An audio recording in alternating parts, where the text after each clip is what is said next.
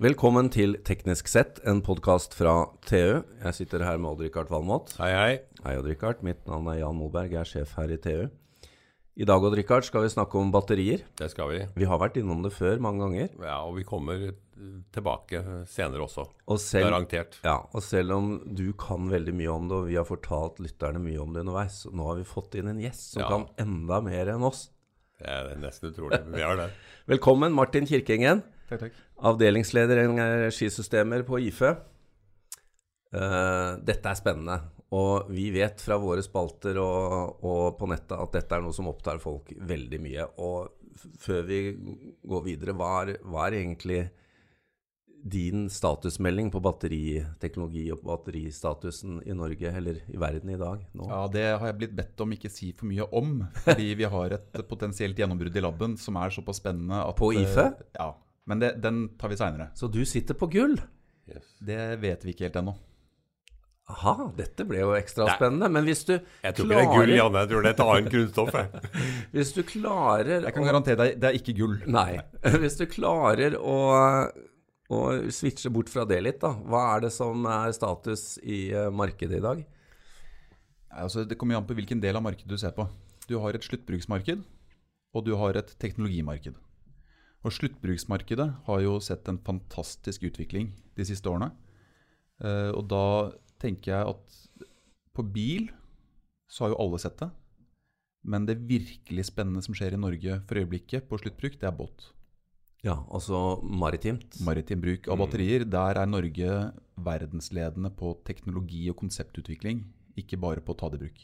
Og der hadde jo vi nettopp, eh, ikke for ikke lenge siden, Richard, fikk vi jo vite at det er jo Statens vegvesen har vært med å være pådriver for at dette her faktisk blir Statens, en utvikling. Statens vegvesen har tatt en helt fantastisk rolle som aktiv offentlig innkjøper. ja. Eh, som altså Statens vegvesen med batteriferja, og nå med den nye hydrogenfergeutlysningen som kommer nå, tar en rolle som egentlig bare kan sammenlignes med det tyskerne gjorde for solceller på tak. Såpass, ja. Ja. Og eh, hva er eh, status? Vi har, eh, vi har altså batteriferjer som lader i hver sin ende og litt om natta og den type ting. Det funker fint. Det funker fint. Um, Det er relativt grei business uh, også. De, de kjører heller batteriferja om natta enn de kjører dieselfergen, fordi det er en billigere overfart. Og så er det et spørsmål hvor langt man kan tyne dette. Det krever litt uh, nettinfrastruktur på land, og det krever litt i form av seilingsmønstre. At landligget er langt nok sammenlignet med eh, tiden på sjøen. Men uh, dette, dette er en utvikling som kommer til å være kjempespennende i årene fremover. Og, Men, ikke men ja. det, er, det er de helelektriske. Uh, I tillegg til dette så er det jo en hybridisering Ja. av båtflåten som pågår for tiden. Uh, jeg har kunder som har fortalt at 90% av alle nybygg eh, av skip nå, eh, kanskje det er et økende tall, eh, har enten batterihybrid eller eh, fullelektrisk løsning hos den kunden, som da er en stor norsk skipsdesigner. På hjelpemaskineriet. Ja, altså at, at de kan, at de kan eh, drive store deler av båten, topp, effekttopper, eh, spinning reserve, sånne, Mm. sånne ting. At det gjøres med batteri. Eh, og det gjør at man trenger en langt mindre kapasitet, spesielt standby-kapasitet, på diesel. Som gir enorme kostnadsbesparinger eh, med relativt kjapp tilbakebetalingstid. Ja. Vi må heller ikke glemme at uh, veldig mye av offentlig kommunikasjon nå ser på batteri. Og batteribusser er jo på vei inn i veldig mange norske byer. Ja. Og batteri- og hydrogentog er også under drøfting nå, som er alternativ til kjøreledning Mm. på strekninger som i dag er dieseldrevne. Det kom en nyhet i går om at de har testa batteritoget, hydrogentoget i Tyskland med gode resultater. Ja, de har bestilt 50, eh, så vidt jeg har skjønt. Så I det, Tyskland, ja. ja. Og det er aktuelt for Norge også. det er nok litt andre togtyper som da vil bli aktuelle i Norge. fordi de, det er vel sånne lettog. Dette er passasjertog. Ja, det er eh, Raumabanen og Nordlandsbanen peker seg ut i, i Norge som Ja. aktuelle. Og så hvis du skal ha gods eh, også over på det, så må du ha en annen løsning. Da må du ha en annen løsning. Men dette er jo spennende, fordi du eh, Jeg har skjønt at du er eh, egentlig veldig tilhenger av dette med hydrogen og, og eh, som, som jo egentlig i Norge, og det er kanskje mest på personbil og den type ting, har blitt litt dissa, rett og slett. Ja, det kan du trygt si. Ja, men Hva er de Et, argumentene? etter at? Statoil trakk seg ut av hydrogen, eh, så ble det på en måte en nasjonal beslutning. Eh, og de selskapene som overlevde med kompetansen fra den klassiske Hydro-Statoil-tradisjonen på hydrogen, de eh, hadde jo ikke akkurat fått med seg den store farsarven i form av økonomi og, og slagkraft. Så det har tatt litt tid å få det på beina igjen. Men der er det igjen ganske mye interessant som rører seg nå. Altså Vi har jo Hexagon, vi har Nell, vi har eh, altså Uno X begynner jo nå å, å røre seg på hydrogen. Det, er, det er morsomt å se hva som skjer. Men eh, tenker du da både på personbiltrafikk og tyngre, eller har du forkjærlighet for eh, noen av segmentene? Jeg tenker jo at hydrogen eh, bør Nøkkelen for å få hydrogen til å funke, er å få lønnsomhet på fyllestasjonen. Bilene kommer nå. Det er, det ikke, det er liksom ikke et stort spørsmål. Eh, men det å få økonomi i fyllestasjonen krever at du har nok kunder. Volum, rett og slett. Volum, eh, forutsigbart forbruk. Og det er krevende å få til i et fritt personbilmarked, fordi tidligkundene er few and far between. Altså det, er- det er ikke Riktignok har det vært 50 ulike brukere på UnoX-stasjonen i, i Sandvika nå. Eh, Det er ikke mye. Det er, det er mye hvis du tenker på hvor mange hydrogenbiler Ja, ja. vi har i landet, men det er jo ikke nok til å lage Nei. business på. Eh, og det å da altså Når man ser at, eh, at Bærums Budstikke og Romerike Blad og sånn, snakker negativt om subsidiering av denne aktiviteten, så er det Det er veldig korttenkt, tenker jeg. Eh, Det å få dette i gang er viktig, men det kan være lurt å starte med segmenter hvor veien til lønnsomhet er kortere. Og F.eks. Askos løsning med å kjøre noen gaffeltrucker og en lastebil og sånt på hydrogen, og da sørge for å få et lokalt konsum som er stort nok til at de får økonomi i sin egen elektrolysør. Og så tilbyr jo det da på en måte en fyllemulighet som kanskje også andre kan få lov til å benytte. Eller når bussflåten på Rosenholm bruker mesteparten av kapasiteten til en elektro elektrolysør der, så er det en måte å skaffe lønnsomhet mye tidligere. Og her er igjen Statens vegvesen og fergemarkedet kjempespennende. Ja. Fordi én ferge er nok i forbruk til å få økonomi i en el- elektrolysør. Men nå er du inne på et veldig sentralt tema, fordi at et av motargumentene mot hydrogen er jo det at det er eh, en eh, Du må jo produsere det først. Eh, Hvilke hinder er det for utbredningen?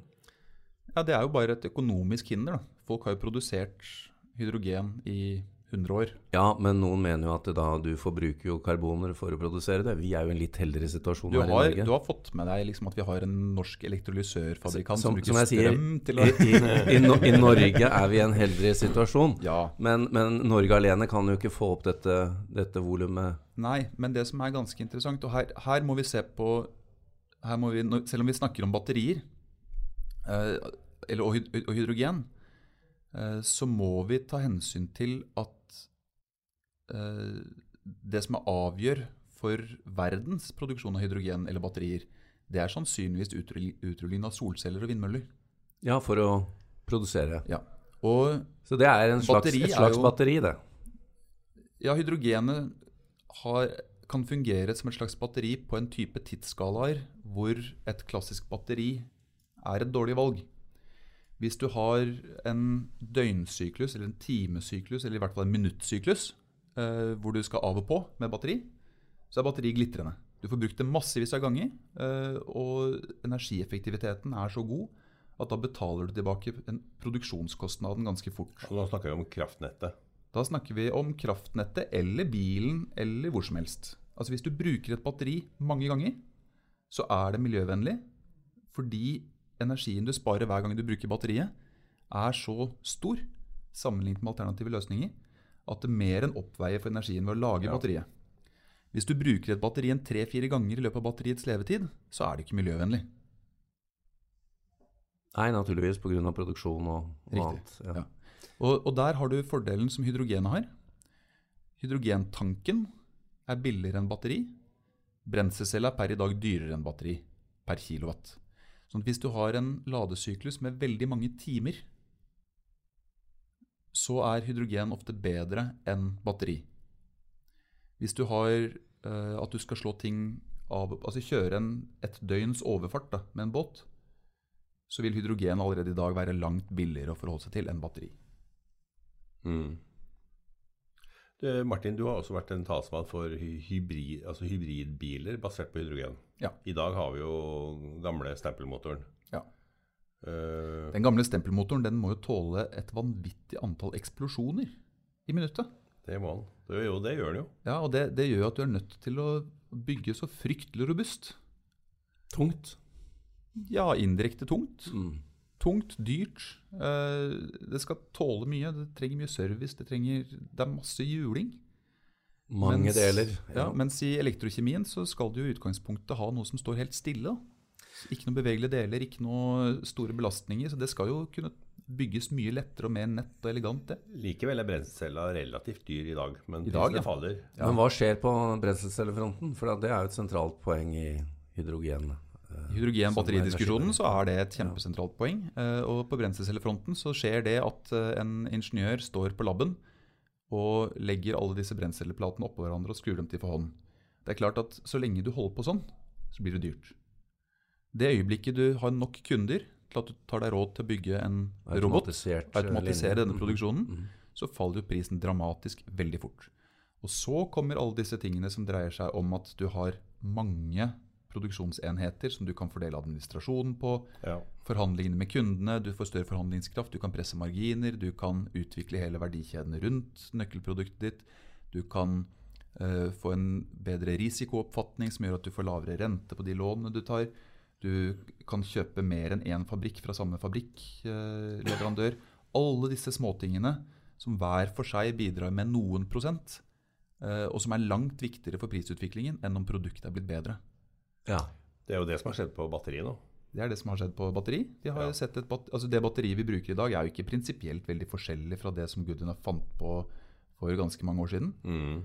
Eh, Det er, eh, det er noen små forbedringer, spesielt på levetid. Stabilitet til å sørge for at du ikke bruker noe dødplass.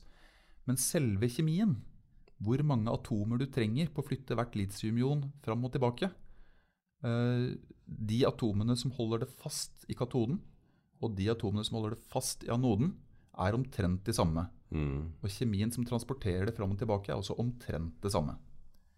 Uh, og Det betyr at det du har kunnet spare på, det er at du har kunnet pakke det tettere, uh, mer optimaliserte partikkelstørrelser, uh, additiver som gjør at ting varer lenger, at overflatene blir bedre beskyttet, mindre dødvekt, mindre Altså alle finpussingene i engineeringen som har kunnet spare litt her og litt der. Og det, det utgjør til sammen ganske mye. Men de billige gevinstene der, de har nok blitt tatt nå. Så Ja, produktforbedringen så. Hvis du skal ta produktforbedring nå, så må du faktisk inn med løsninger som man ikke er sikker på i dag at kan virke. Og så må gjennom hele denne risikoevalueringen, hvor mobiltelefonene har tatt hele risikoen for bilbransjen hittil. Betalingsviljen i mobiltelefonen er enorm. Ja. Eh, Der koster jo batteriet bare 5% av produktprisen. I en bil så koster batteriet kanskje 50% av produktprisen. I stasjonær lagring eh, i nett så koster det 100% av produktprisen. Så betalingsviljen i mobiltelefonmarkedet har gjort at vi har fått en teknologiutvikling for elbil som bilbransjen aldri så for seg. Fordi de trodde de måtte ta regningen selv. Men da kommer vi også inne på et veldig interessant poeng. og- Fordi du har jo vært inne på at vi må vokte oss for å tro på Moores law eh, på disse segmentene. Fordi det er mange som eh, lover mye om fremtiden. Fortell. Uh, Moores lov kan du si, den har to aspekter.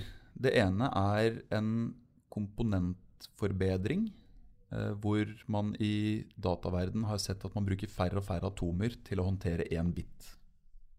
Når man starter med milliarder eller eh, sant, mol av Ja. atomer for å håndtere en bit, så er det ikke noe vanskelig å få til forbedringer.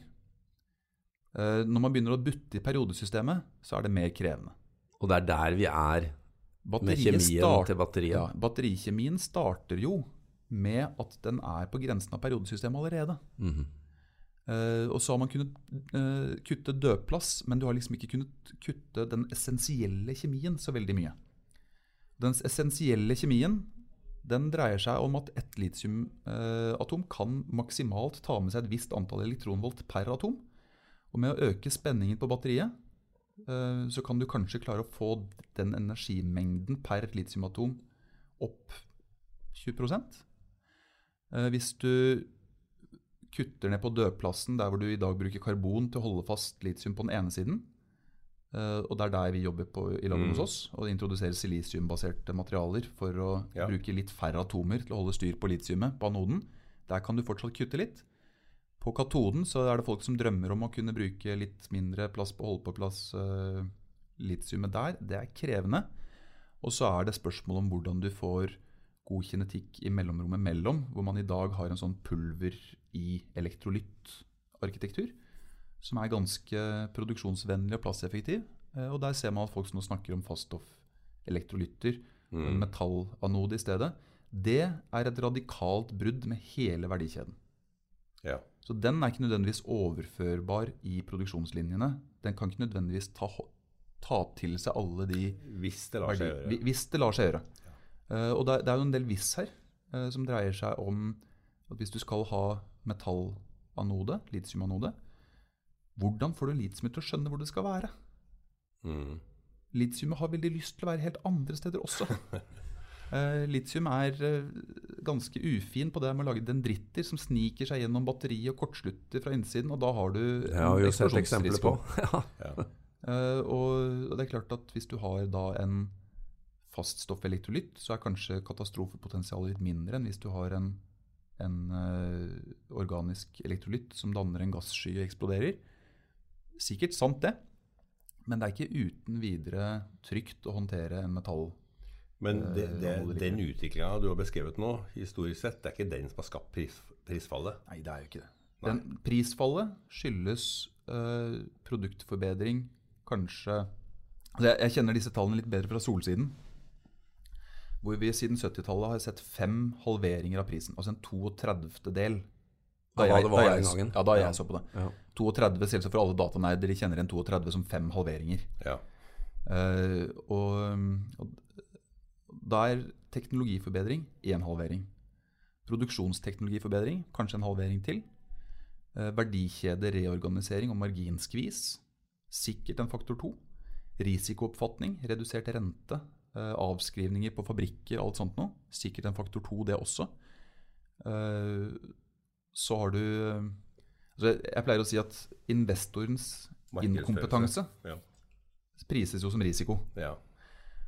Eh, Og så har du bare mer effektiv drift i fabrikkene, fordi du trenger færre beslutningstagere per ting du Og gjør. dette er jo grunnen til at du ikke spår en, en tidobling sånn som noen lover, eh, eller, eller en reduksjon, eh, men sier at det er rett og slett eh, dette med skala og automatisering og disse tingene som kommer til å føre til at batteriteknologien blir rimeligere. Jeg tror folk er grassat overoptimistiske på hvor mye vi skal klare å forandre på fysiske og kjemiske lover. Og så tror jeg en, veldig mange nordmenn har en manglende forståelse for masseproduksjon og prispotensialet som ligger i masseproduksjon.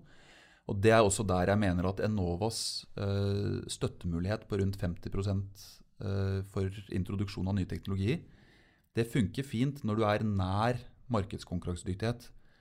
Eh, det er litt sånn Norsk eliteserie er et godt sted å trene for å nå eh, ut til Bundesliga.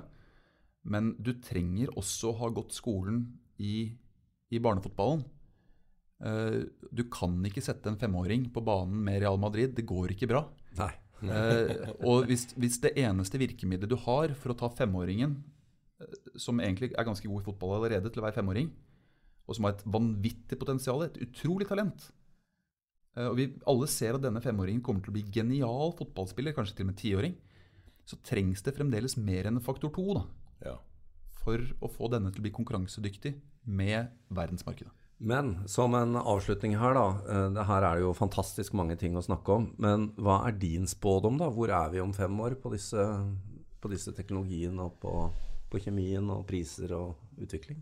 Jeg tror at eh, folk flest kommer til å bli mest overrasket over hva som skjer på hydrogen de neste fem årene. Så tror jeg at prisfallet på batteribil og modellutvalget på batteribil kommer til å eksplodere. Eh, Jeg håper at vi ser de første hydrogenfergene konkurrere med de første batterifergene.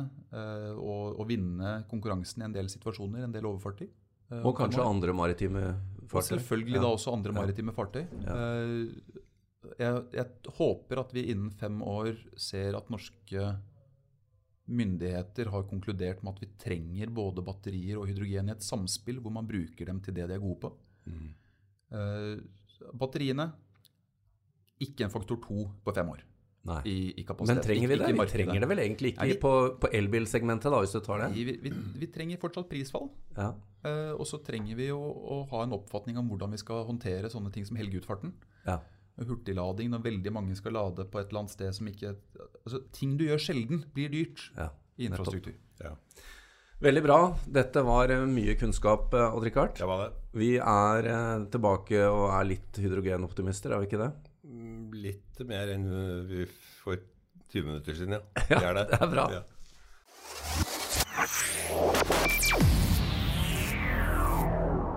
you